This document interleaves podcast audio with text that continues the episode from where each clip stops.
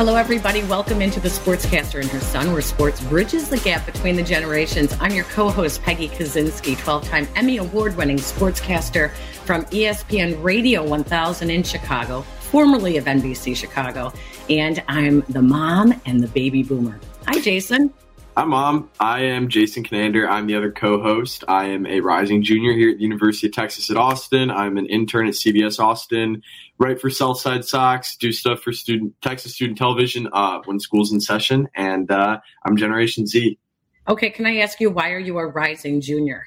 So rising junior is the term like when you're in between like sophomore year and junior year. So like when you're going to be that grade, but like you're not that grade yet, but you're currently like out of school, then you just say rising junior instead of saying like I just finished my sophomore year. Oh, okay, I got it. Hey, thanks everyone for um, following us on YouTube, our website, The Sportscaster and Her Son, and listening to us and watching us wherever you get your podcast. Please continue to download and follow and tell a friend. Don't forget you can get some of our fan merch as well at our store on TeePublic. Now, that link you can find on our website, thesportscasterandherson.com. Okay, Jason, in this episode, it's been 50 years. 50 years since Richard Nixon signed a document that would become the most important legislation for women in my lifetime. That being next to the right to vote, which was before my time. Title IX has given women opportunities not only in sports, but in education. 37 words passed June 23rd of 1972. They are no person in the United States shall, on the basis of sex, be excluded from participation in, be denied the benefits of, or be subjected to discrimination under any education program or activity receiving federal financial assistance. This is the 50th anniversary of Title IX. And Jason, I don't know how much you know about Title IX, but it has really changed not my life, but many, many women's lives over the last 50 years. Do you remember when uh, President Nixon gave that gave that little spiel about Title IX? No, because I was actually in 1970. You would have been seven or eight, right? I was like in third grade, I think. Um, you know, it, it was what was interesting though is I, I played sports. I mean, I we had intramurals, but a lot of the sports we played, you always had to turn your your your uniforms in so that the, the next team could use them, the next girls team. So like by the time I got to seventh grade, um, we I, I, went to try out for the basketball team in sixth grade, and uh, my mom had told me, "Oh, go ahead to tryouts." Well, it turned out it was boys tryouts, and they didn't have a girls sixth grade team. So the coach told me, "Oh, Peggy, just go home. Next year you can try out." So I had you know my Chuck Taylors tied in a knot over my shoulder. Your Wilt Chamberlain threes. Yeah, exactly. My powder blue Chuck Taylors, Chucky T's. And um, I went home. And, you know, my mom was very much in support of me playing sports. I loved basketball. I loved playing softball. Uh, we didn't have baseball. We didn't have Little League for girls back then. So we had to wait and play softball in seventh and eighth wow. grade. But my Catholic school that I went to in, in grammar school and high school, we always had sports what stood out was we didn't have the equipment, um, the gym time. Uh, we played in a, a girls athletic association in which you you wrote your scores down and then you shared them because they still didn't want super competitive leagues yet. Oh. So, yeah, it was really it was. That's different. not even sports. Like, like I know, oh. like we didn't know the difference though. We we honestly didn't didn't know any better. Wow. Wow. So I. So I, I guess I guess what what my next question would be is I mean even though you you just described that you remember what sports were like a little bit before like what I guess what I'm trying to ask is like did people know how big of a deal this was at the time when President Nixon signed this into order? Like was this sort of like a like a suffrage moment like where people kind of knew how big this was when it happened? Or in the 50 years since President Nixon signed Title IX into order, do you think that it has become something much bigger than it was initially intended to be? Well, it definitely became something. It, it was um, it it did not receive as much attention because, okay, to be honest with you, uh, there were women that were split on it. It didn't have a lot of women's support. It, and I shouldn't say a lot. It didn't have all of women's support at that time. Um, I think the women's movement felt that there were other things that they should be fighting for. Uh, so there was a little bit of a of a split within women themselves. Um, and you know, Jason, it really took a few years for it to actually have an effect. So I'm going to give you an example. In 1971, the year before Title IX was passed, uh, only 1% of college athletic budgets actually went to women's sports programs. At the high school level, male athletes at that time outnumbered female athletes 12 to 1. So wow. Title IX was signed into law June 23rd, 1972. Since the passage, female participation at the high school level has grown 1,057%. Wow. I mean, it's it's unbelievable um, what it has done. Uh, and that was just numbers 10 years ago. Um, the true significance, though, of Title IX is really the opportunities that it gave women um, off the field as well, not just in sports. You know, there were law, law programs, law schools, and doctorates that did not allow women at the college level. They did not accept women into their programs. There was always an accept, you know, an exception here or there. Um, but it was really the opportunities for women, the educational opportunities for women that now you are seeing women who who had Fortune 500 companies or Fortune 50 companies and um, you know run businesses. It's really the effect is so far reaching, not just sports, um, that it's it's really um, pretty amazing what it has meant for everybody. that was pretty funny. I just heard the uh, the garage the garage door open in the background after before the call. You told Stella not to do that.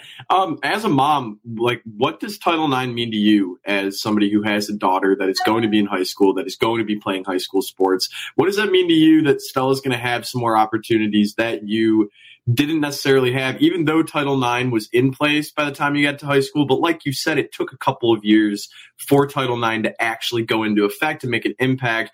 What are you? What are your hopes for Stella's high school sports experience? How do you think it's going to be different from yours?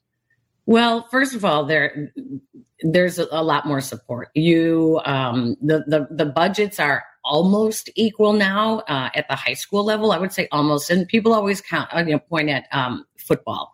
Uh, it, it, you can't really compare it to football because football has so many more participants, so many um, more coaches, so many more players, so much more that yeah. just goes into yeah. It, but but the opportunities available are pretty significant. Um, at the high school level, what we see is if you want to do something, you have an opportunity. You go find a program; it's there. Uh, what was 50 years ago is there just wasn't a program. Uh, if you if you had to really look, yeah, you had to really look for them. So uh, I think for your sister and for my daughter, I think for Stella, it, it's going to be very normal sports experience. It's um, not going to be the exception. It's really the rule that all teams are created and, and treated equally. Uh, that's what I think she's going to see the biggest differences. And the other thing is going to college. She has a choice. Wherever she wants to go, she can go now. There, there are no longer those um, banned women are banned from you know taking part in in this field of study or that field of study so uh, it's really when i tell girls and I, I, do this all the time with girls in the game. Uh, when I tell them that you truly can be anything that you want to be, I, I, that is absolutely a truth because you do have those opportunities to do and be whatever you want to be now. Every college will give you those opportunities so when I look at like the way that the role of women in society, the role of women in business, the role of women in sports, when I look at the way that it has progressed in my lifetime and then bigger picture since Title IX, I think that the one aspect that seems to kind of lag a little bit behind every other area is professional sports. When you look at the professional sports leagues, although the level of competition might be on par with the men's sports leagues, women's professional sports leagues have always seemed to struggle to to gain traction, to gain popularity. And why do you think that is? Because I'm going to use something really quick. Women's college sports are arguably at the best point popularity wise that they've ever been. the women's NCAA tournament in basketball did very good numbers on ESPN first year with a full field. And even, I mean, I was watching the games. I watched all of Texas's games. The way that the scheduling worked out, it was perfect because the women would have the Monday after the men's games. And that way, all the people that had just watched basketball, both men's and women's, the past four days, wanted a fifth day, watch the women's, and people were hooked. And then in the case of baseball slash softball, the Women's College World Series and softball actually did better numbers ratings wise for the second straight year than the Men's College World Series. So even though college sports seems like we're getting a little bit closer to equal, why do you think professional sports are so far behind and very little progress is ever made? There's a couple of reasons for that, Jason. It's a really good question because um, I would first point to, first of all, first in gets the first fans. So men are playing basketball, men were playing baseball, men were playing football, whatever the the the first sports we always saw it was men. And so you just naturally become, you know, uh, that that's who you're going to watch because that's who you've always watched. So now you have to get people to switch and also watch the women playing the same game. And that's really hard to take fans away from what they're used to watching already. But second and third really is uh, the exposure. So the reason you point to uh, the College World Series, it's all on television now. It gives people an opportunity to watch it. Now they're seeing it. If it's not on TV every day and it's only a once every now and then, you know, like for women's college basketball, you know, if it was only during the tournament, only in March that you saw women's basketball, it's hard to get people to then buy into this is, you know, a rivalry. These two teams, the Big Ten, the SEC, you know, whatever network, ACC. So the exposure is the biggest thing. And until the TV networks spend the same amount of manpower and money on covering the women's game and developing those rivalries with those audiences, then you're going to constantly lag behind. And I think because we're starting to see that, you don't broadcast a game and, you know, this is like women's gymnastics. It used to be only once every four years. Every four years, you would see it during the Olympics, right? And so people would just watch the Olympians. Now, your sister, my daughter Stella, will watch college gymnastics on TV. And I see her talking about the best athletes and what the best programs are at the different universities. Now, 10 years ago, I don't know that you, you could get a, a 13 year old girl to know that because they weren't on TV. Now we turn on the TV and we can find college gymnastics and she'll sit and watch that. Is if the exposure is there, you will develop the fans and you develop them through the personalities of the players and the natural rivalries of different schools and different leagues. Once you start developing that, that's any fan base. Why are you a, a, White Sox fan? You know, and you, you know, you don't like the Cleveland Guardians, you know, or the Minnesota Twins because you know the rivalry. You know, it's the Bulls and the, why do you not like the Pistons? It's that is, that is a really interesting point that uh, I've never thought about that. And I think that it's a really, really good, good point that you know, women's sports just needs more established rivalries because rivalries are one of the things that sucks people into a sports team, a, a, sports league. And then the other thing are iconic athletes. And I think that women's sports is doing such a better job of marketing their best athletes. I mean, Brittney Griner is sort of a unique situation, but when Brittney Griner wasn't in a Russian prison, you could argue that she was probably the most popular female athlete in the country. The WNBA did an excellent job of marketing her. So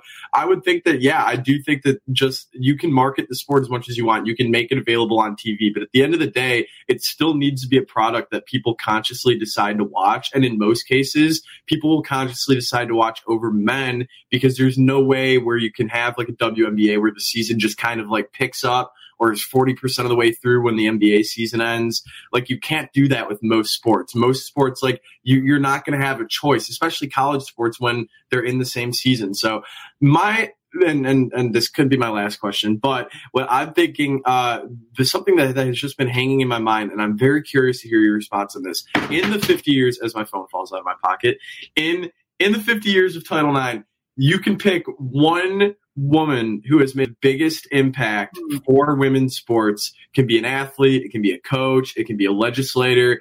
Who would you pick?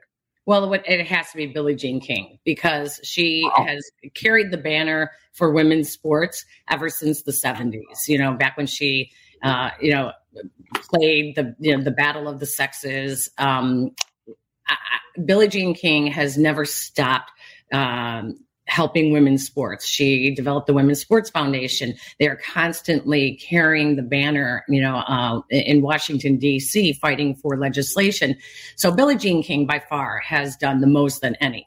But there are so many athletes themselves who have really garnered the attention um, that I, I mean, whether it's a Simone Biles and her pure athleticism as a gymnast, um, as a as a black gymnast, uh, whether it's the U.S. women's soccer team who has just not only captured the hearts of little girls everywhere and made soccer explode in the United States, way bigger than men's soccer is. Way bigger. Way bigger. Um, then you know, you, there's so many. And and I'd say most importantly with the women's U.S. women's soccer team, one of, if not the first, examples of successfully being able to achieve on paper equality with achieving equal pay. I think that that is one of the most significant things that happened in Absolutely. the past 50 years. And I think that it opens up the door for so many other equal pay, equal exposure possibilities for women's sports in the next 10, 15 years.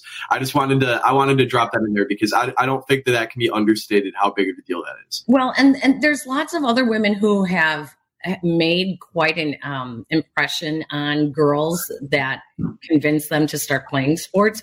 And I remember Florence Griffith Joyner. I don't know if you know who Florence Griffith Joyner is. So Jackie Joyner Kersee from Illinois, downstate, uh, one of the greatest female athletes of our of in, in the history of, of women's sports. Um, Olympian, I played basketball against her. She played volleyball. Uh, she was like a five sport athlete. Um, her sister in law, Flojo, at the Olympics wore, I mean, she, what she did in the 80s for female athletes, she was beautiful. She had long flowing hair, long fingernails. She wore the unitard, the one um, leotard for uh, running. Um, she brought grace, power, and style to track and field. And that just made a lot of girls just look and go because, you know, back in the 70s when I was playing sports, you were a tomboy. You weren't considered an athlete. You were considered a tomboy because you played sports. And sometimes there was a negative connotation with that. And Flojo showed women that you could be strong and beautiful as well as being powerful as an athlete. So I mean there's so many athletes Jason that that continue to really carry the torch for women's sports. But one other thing I wanted to mention when you asked um, why it is that uh, women's sports doesn't garner the same uh, fandom and exposure and they struggle at the professional level, the other thing is gambling. And Candace Parker last year um, from the Chicago Sky really, really went out to speak out about women's college basketball and the WNBA needs to be in people's minds when they are betting on college basketball and when they're doing their brackets. They need they need to make women's brackets as big as doing men's brackets because you can't tell me that the millions of college basketball fans, how many of them started out becoming fans just simply because they filled out a bracket at work or in high school or in college with their friends. And then they started watching the games together. When you start doing that for the women's game, you're naturally going to have a rooting interest as well. So last year, you saw a lot of the betting sites, including women basketball, women's basketball with the brackets and the bracketology, and they started doing the same thing. That is huge to start increasing uh, the interest in women's sports as well. And so Candace Parker was right on the money with that literally, uh, when she thought that women's sports needs to be a part of the betting parlance as well. So that's what I would say. But Jason, there's a lot of women that I wanted to introduce to our audience as well that I have spoken to uh, on my other podcast called Pass the Mic. And that podcast features women in sports and sports media. And I spoke with a handful of women who are very influential in sports and sports media on that podcast that I wanted to introduce to our audience here on the Sportscaster and, and her son. So let's take a listen to some of the uh, the women that I have talked to over the last two years.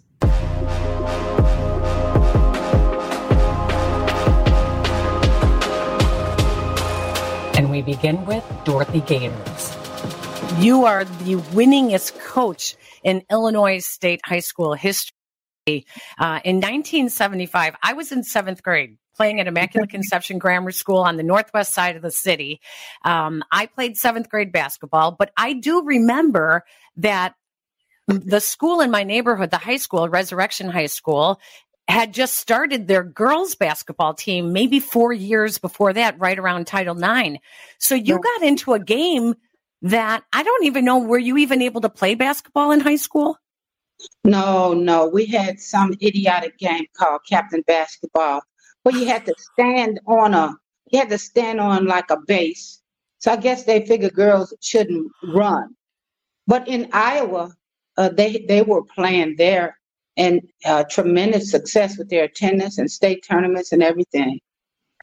Oh my gosh, I remember that. That was my mom played at Alvernia High School in the 50s in Chicago.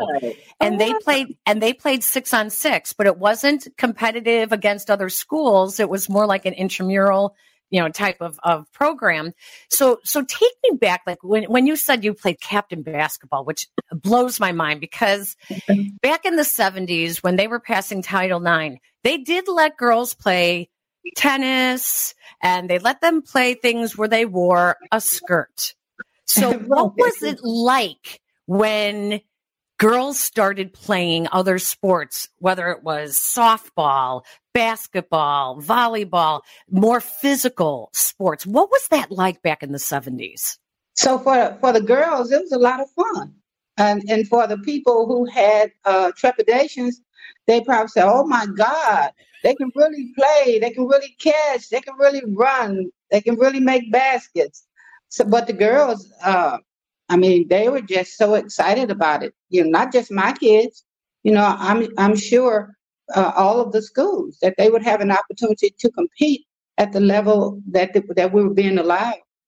So you started a team called the Debs. It was an oh, AAU wow. team. I can't believe I thought I knew everything about you or almost everything about you until I read that you had started an AAU team called the Debs. Tell me about this team. So I was working at the Park District um, my junior and senior year uh, in college, and I was made aware that there was an AAU program uh, for adult women, and you know younger ages could participate too. So while at the park, I organized a team. And one of uh, my favorite kids, she's now a grandmother, she would wait for me every day. And uh, her name was Deborah. And so when I was trying to uh, think of a name, I thought of Dorettes. That sounds too much like a, a musical group, but that was name for me because, you know, I was the person that was starting it up. And uh, I decided to name it uh, the Debonettes uh, for the, for this kid in honor of her. She has been named to People Magazine's 25 Women Changing the World, Fortune's 40 Under 40, and named one of Sports Illustrated's most powerful, most influential, and most outstanding women in sports. Let's welcome in Sam Rapoport, Senior Director of Football Development for the NFL. It was in 2016 where, you know, I, I, had this idea where I wanted to bridge the gap between the thousands and thousands of women in this country who love the NFL, want to work in the NFL, um, and the people who could potentially hire them. So I was playing uh, on, a, on a charity flag football event with Commissioner Roger Goodell. He was a quarterback on one side, I was a quarterback on the other side. And, you know, after the game, I met his wife, Jane Goodell, and three of us were talking. And I told Roger, you know, I have this idea. Um, and the idea was a way to make the NFL better, which is what he challenges us to do all the time. And, you know, the idea was to to bring these women in a room with owners and head coaches and general managers and people who could hire them. And, you know, he said, call me Monday. And I called him Monday. And a couple months later, I was hired into this role. So you have a football background. Tell us about your playing experience and, and you know when you were first uh, exposed to the game of football. Sure. So, luckily, growing up in Canada, girls flag, touch, and tackle football is available to us. So, to me, growing up, it was normal, right? I played ju- at, in the junior high level, the high school level, and then when I went to college, I played female uh, professional tackle football as a quarterback.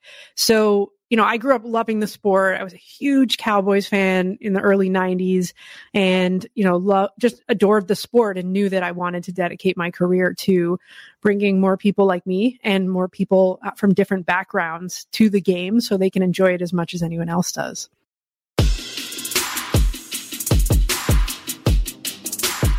She is the former CEO of the Oakland Raiders, a lawyer, chairman of the Big Three League, and author of the book you negotiate like a girl.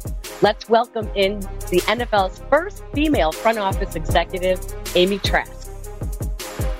What was the toughest group for you to to break into? Was it you know owners? Was it other team executives? Was it the agents? Was it the players? I mean, where did you find the obstacles? Well, I'll answer that in a few ways. Uh, you are absolutely right. When I went to my first league meeting, I was the only woman in the room. Uh, so, look, look, for many of the people listening to this, they weren't even born when I started my career. I started with the Raiders in the early part of the mid 80s as an intern, and shortly thereafter, also in the mid 80s on a full time basis. And I went to that first league meeting, and I was the only woman in the room. Uh, but I received a lot of support from a lot of the team owners in that room. Men like Lamar Hunt and Wellington Mara and Ralph Wilson, to name a few. Oh, oh, and atop the list, Dan Rooney. Um, they and I should have named Dan first. You know, this was at a time I joined the Raiders when Al was involved in a legal dispute with the league. The league had sued the Raiders. Al had counterclaimed. I joined the organization, and, and the reason I note that is these men that I just named, Dan Rooney, Lamar Hunt, Wellington Mara, Ralph Wilson, they were adverse to Al in that litigation. But from the moment I entered that room, they offered me their support and their encouragement, and they did so for all the years we interacted. As to players, I never, over the course of almost 30 years, had any experience with a player in which I sensed any resentment on, on anyone's part or any opposition based on my gender. My experience with players was they wanted to know how are you helping make us a better team? How are you contributing to help us win? And if one was contributing in that regard, that was great by way of players. Was there opposition to me based on my gender? Of course there was. Did I care? Not one bit. You know, people ask me all the time, was I tested because I was a woman? Well, you know what? People are tested all the time. They're tested based on race or gender, age, educational background, seniority, ethnicity. People are tested all the time. And it is my view that when one is tested, the best thing to do is pass the damn test. So that's where I put my energy. I never focused on my gender doesn't make sense to me that if I want to walk into a room, a business meeting, a locker room meeting, a coaches meeting, a meeting with bankers or municipal leaders or anyone else, and I don't want them thinking about my gender, or I hope they're not thinking about that, that I should be thinking about it. That just doesn't make sense to me. There is a story when there was a meeting set up, I guess, with the NFLPA, DeMaurice Smith and Al Davis. He could not Al Davis could not attend, or he sent you to at least welcome DeMaurice Smith and his entourage. Um, and um, you were stopped by someone in DeMaurice Smith's group. Can you tell that story? Uh, yes, it, it, surprised me. I don't know that it should have um, surprised me as it did because I do know that these sorts of things go on. But I was surprised when I walked downstairs to greet DeMaurice and explain to him that Al wasn't able to meet with him, but to welcome him to his building. And someone with his group approached me, and as I started to walk towards DeMaurice, stopped me and asked me whose secretary I was. And, and that took me back because that was an assumption that um, he made assuming that I was there in the role of someone's assistant or secretary.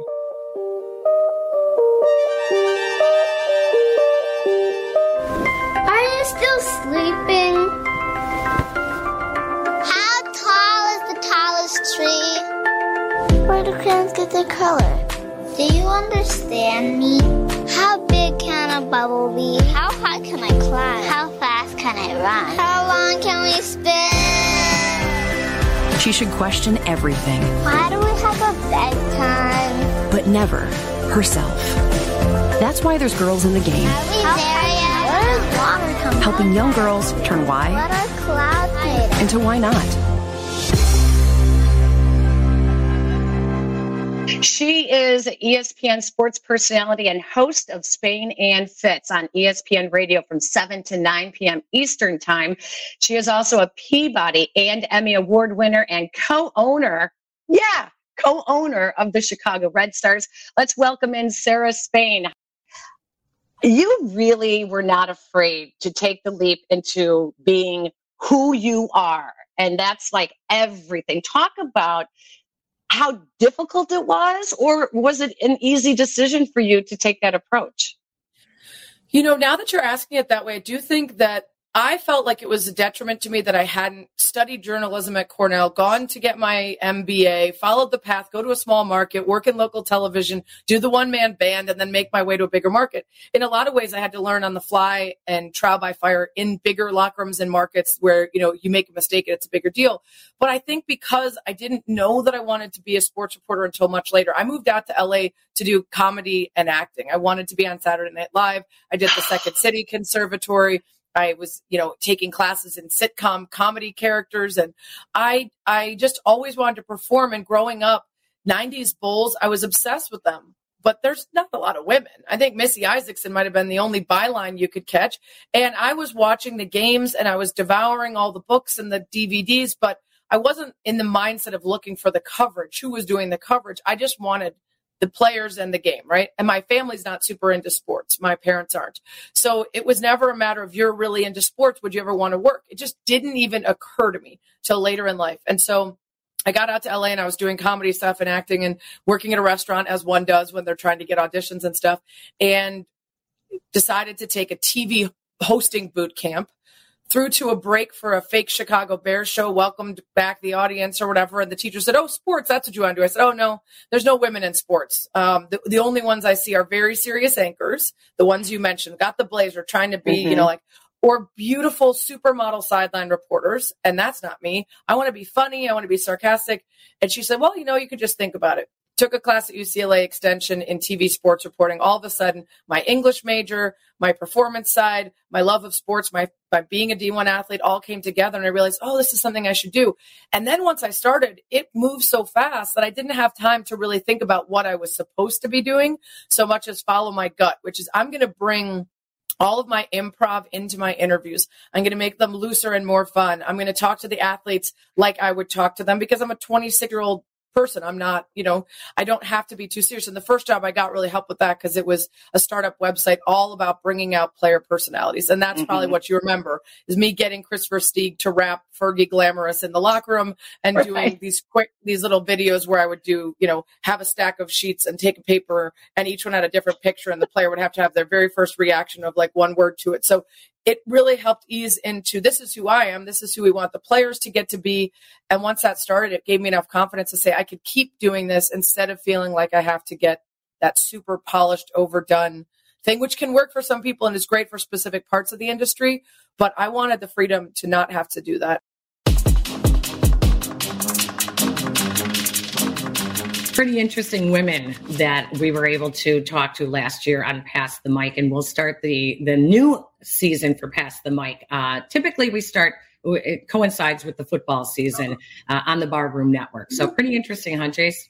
Yeah, no, always very interesting. It's always cool seeing how well connected you are. This is one of like your things that I would say is like one of your bread and butter type of areas. It's it's women's equality, it's women in sports, especially locally. So no one's gonna be better connected than you. So it's awesome seeing like former CEO of the Oakland Raiders. I didn't even know that there was a former female CEO of the Oakland Raiders because when you think of the Oakland Raiders, you think of Mark Davis and Al Davis and Jon Gruden and and all the men just kind of like shooting the shit and making horrible trades and horrible draft picks. So uh, I think that that was super interesting. And then Sarah Spain, somebody who I've grown up watching on ESPN, somebody who's a Cornell alumni. Shout out to Shay, and uh, just somebody who is, I think, very admirable in women's media. I think that Sarah Spain is somebody who does not back down from her opinion. Is always one of the more vocal people when you look at a show like. Uh, uh, uh, I'm totally blanking right now. Around the Horn. That's yeah. what I do. Around the Horn.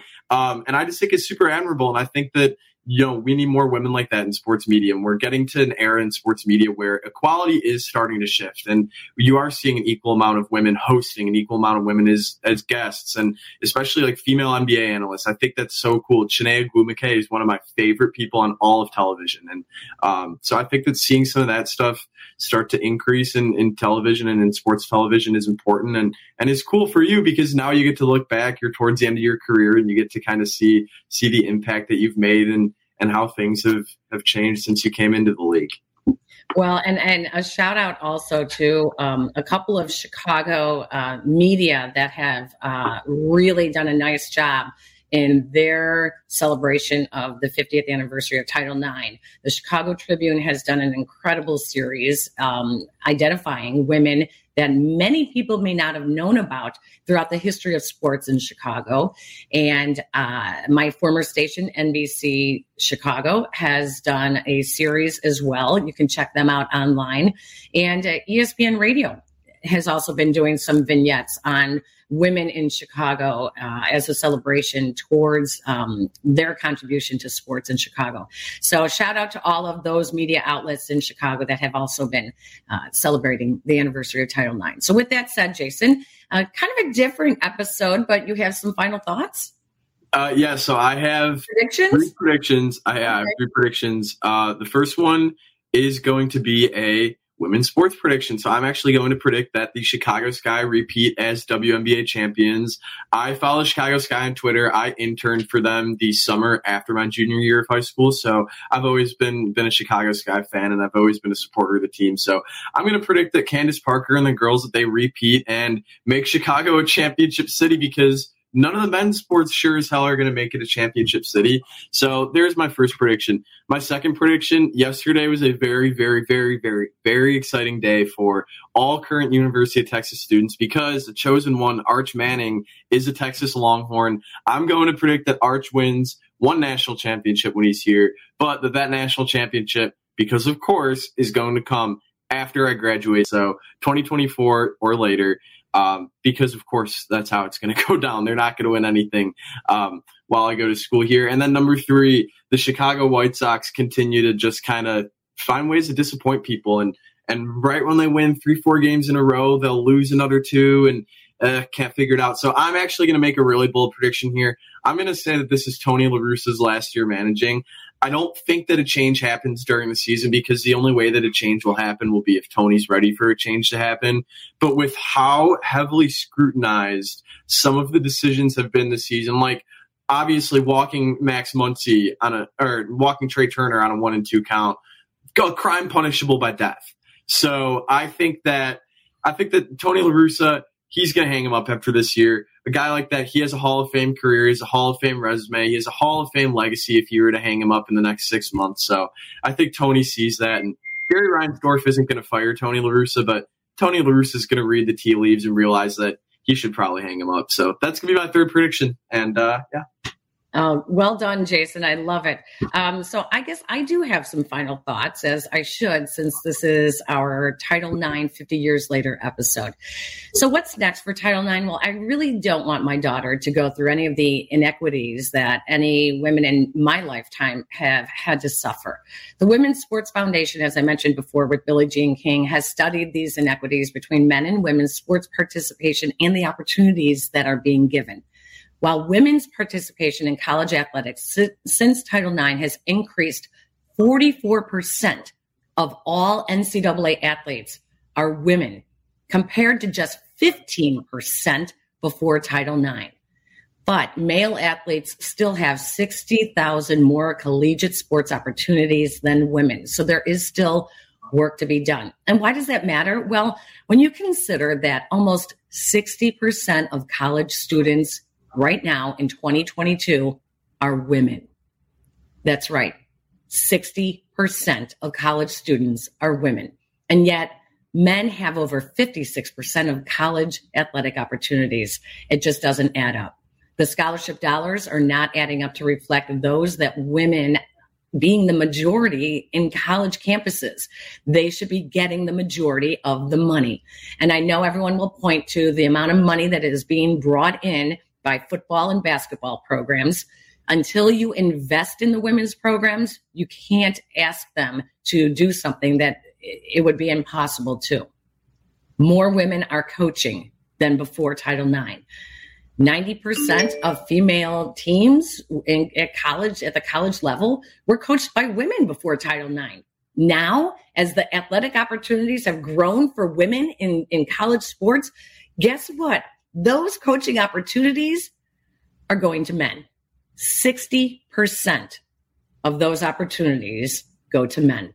So male coaches are taking advantage of the increase in women's sports, but women not just yet. And we have to change that. The numbers are even worse for women of color and for women in the LGBTQ community. We see that changing very slowly, but there is change. More women are coaching football, hockey, baseball. More women are given opportunities in these professional leagues in their front offices. I hope in 50 years, my daughter is not even asked about Title IX. Just like today, no one even questions the women's right to vote. No one should be questioning opportunities in 50 years for women in sports.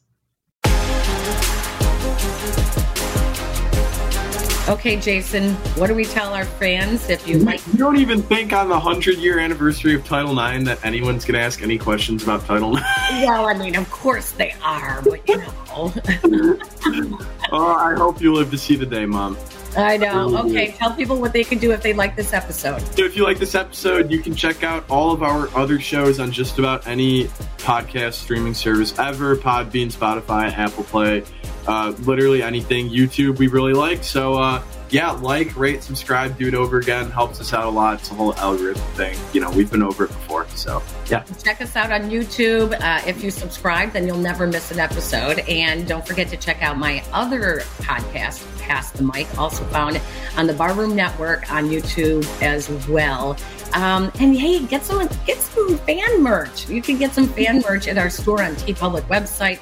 And the link is on our Facebook page at the sportscaster and her son.com website as well. I want to thank all the women that I interviewed for the Pass the Mic podcast who um, are now featured on this episode of the Sportscaster and her son.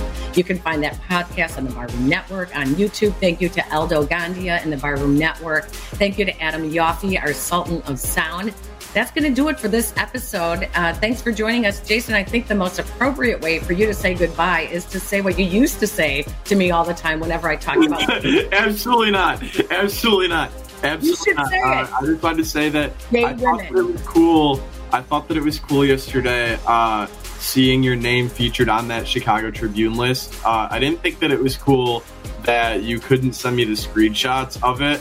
Um, however, I did want to say that as cool as it is, like for me to have a mom that I think is really cool and that, and that I look up to, it's always been really cool for me to think that there are so many girls my age, younger than me, older than me, that look up to you just as much as I do. So I've always thought that it's cool that I'm not the only one that looks up to you um, as much as I do. So Aww. Thank yeah. you, buddy. I love you, Jace. Thank you. Love you, mom. All right. Thanks, everybody, for joining us. We'll talk to you next time. Take care.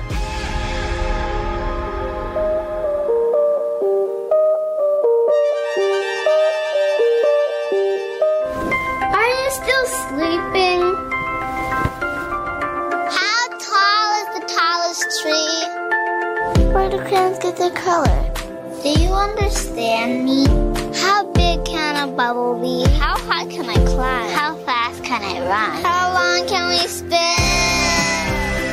She should question everything, Why do we have a bedtime? but never herself. That's why there's girls in the game, Are we there yet? Where is water coming helping young girls turn why What are clouds made into why not.